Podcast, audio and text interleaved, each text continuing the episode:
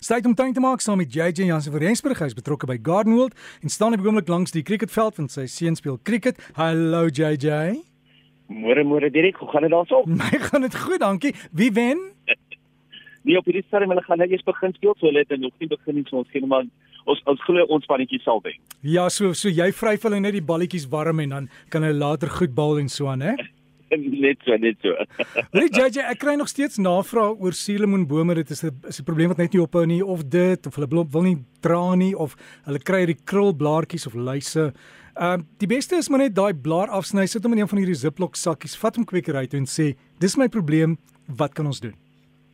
Wie direk is gebeur eintlik in soveel gevalle dat daai blaartjies net begin ontwikkel, net begin sleg lyk, like, dat die mense dit los en net nog nie vroeg genoeg eintlik die probleem uitsny nie, jy weet. Dan wag mense altyd totdat die probleem baie vererger het. Hulle dink die plant gaan homself ontgroei of die probleem ontgroei en dan teen die tyd wat hulle eintlik die um probleem regtig wil behandel, is die hele boom al oortrek met probleme. So ek sê altyd vir mense, probeer hier om vroeg al net daai blaartjies wat geaffekteer is af te sny, heeltemal van die hele boom af. Probeer om dit so te verwyder. Dit is die mees organiese, mees maklikste manier om dit te doen, uh mees veiligste manier om dit te doen eintlik sodat die plante nie enige chemikalieë kry nie. So ja, en dan as jy regtig sukkel soos jy sê, vat dit in 'n Ziploc sakkie, vat dit aan die naaste kwekery toe en hulle gaan vir jou die nuutste beste medisyne gee om die boom meer gesond te maak. Jy weet, baie mense sal dink hulle gaan sommer net ietsie daar uit die kas uithaal wat nou al vir 5 of 10 jaar in die kas staan en dan is daai uh, medisyne al so, daai chemikalie al so verouderd dat hy glad nie meer werk nie of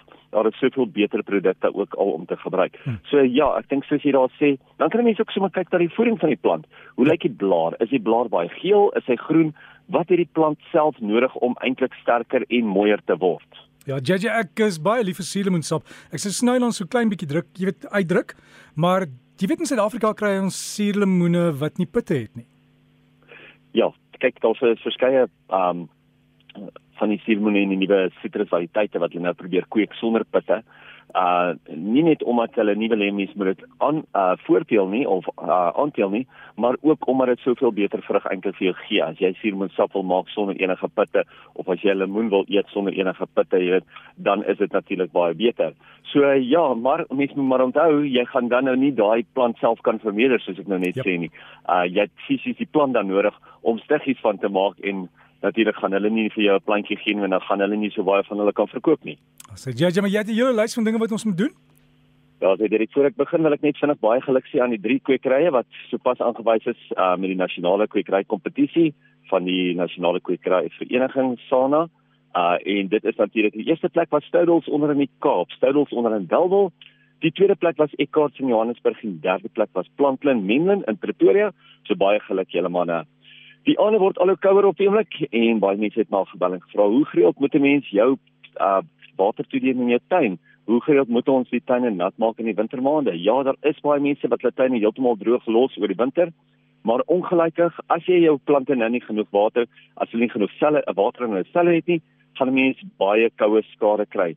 Nou kom ons kyk eers 'n bietjie as mense jou grasperk wil groen hou, dan moet 'n mens elke oggend moet jy vinnig jou grasperk ontdooi en dit is natuurlik net voor sonopkom. Nou ek sê altyd vir mense dis so om en by 07:30 se kant um, in die wintermaande is 'n goeie tyd om dit te doen.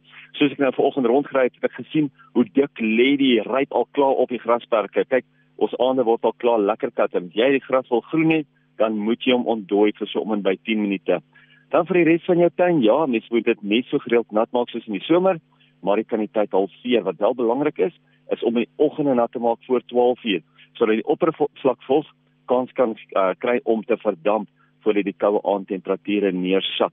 Mens moet altyd ook onthou elke tuin is verskillend. So hou bietjie net jou tuin dop, kyk bietjie hoe die son gedraai, hoeveel ekstra skaduwee kry jou tuin en hoeveel ekstra son kry jou tuin want ongelukkig hierdie tyd van die jaar kry ons tuine baie meer skaduwee as wat dit son kry. Maar as jy hoë bome het en die son sak lekker laag, dan kan hy eintlik onder die bome weer eens in die beddings inskyn en dan gaan jou plante natuurlik mos nou vinniger uitdroog. So pas maar aan soos jy kan.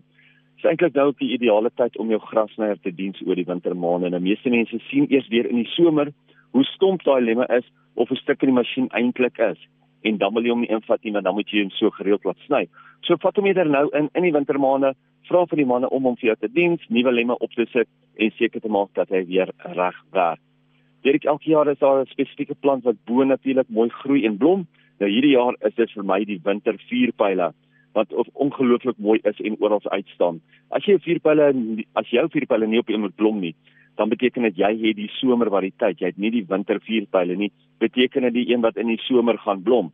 Dit is lekker om te sien hoe die suikerbekkie skoenlappers en die bye natuurlik hierdie vuurpyl blomme so geniet. Jy kan sommer sien, hulle staan sommer soos vlamme oral uit. Jy weet as jy mense rondry dan sien jy hierdie walle met hierdie vuurpyle op. Dit lyk ongelooflik mooi en dit is so lekker om dit te sien en dit is natuurlik ons inheemse wenner, maar dis nie ons plan van die week nie. Baie mense verwar natuurlik die vuurpyle weer met alwyne. Hulle dink hulle vuurpyle is alwyne of hulle alwyne is vuurpyle. En dit bring my eintlik by die plan van die week hier weer weer eens hierdie week, 'n uh, alwyn. Nou hierdie week is dit die Aloe Fire Chief. Nou die Fire Chief maak pragtige rooi blomme. Die een van sy unieke eienskappe is dat hy van 'n jong ouderdom af kan blom al is hy nie volwasse nie. Baie alwyne moet eers oud wees, hulle moet eers vol, eers volwasse wees voordat hulle blom, maar die Fire Chief nie. Hy kan tot en met 2 meter hoog groei.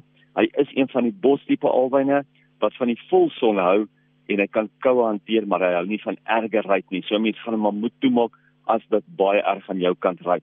Wat 'n ongelooflike strukturele strukturele blommende alwyn, die Aloe Fire Chief.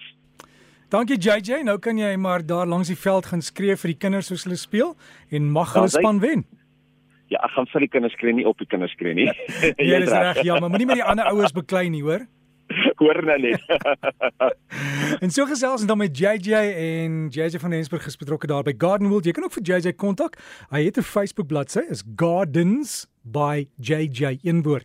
Gaan sluit aan by die groep Gardens by JJ en dan kan jy daarvan of kontak maak, miskien 'n vraag oor ietsie, miskien hulle weet van die plant van die week. Al die foto's is daar en lekker tuin maak.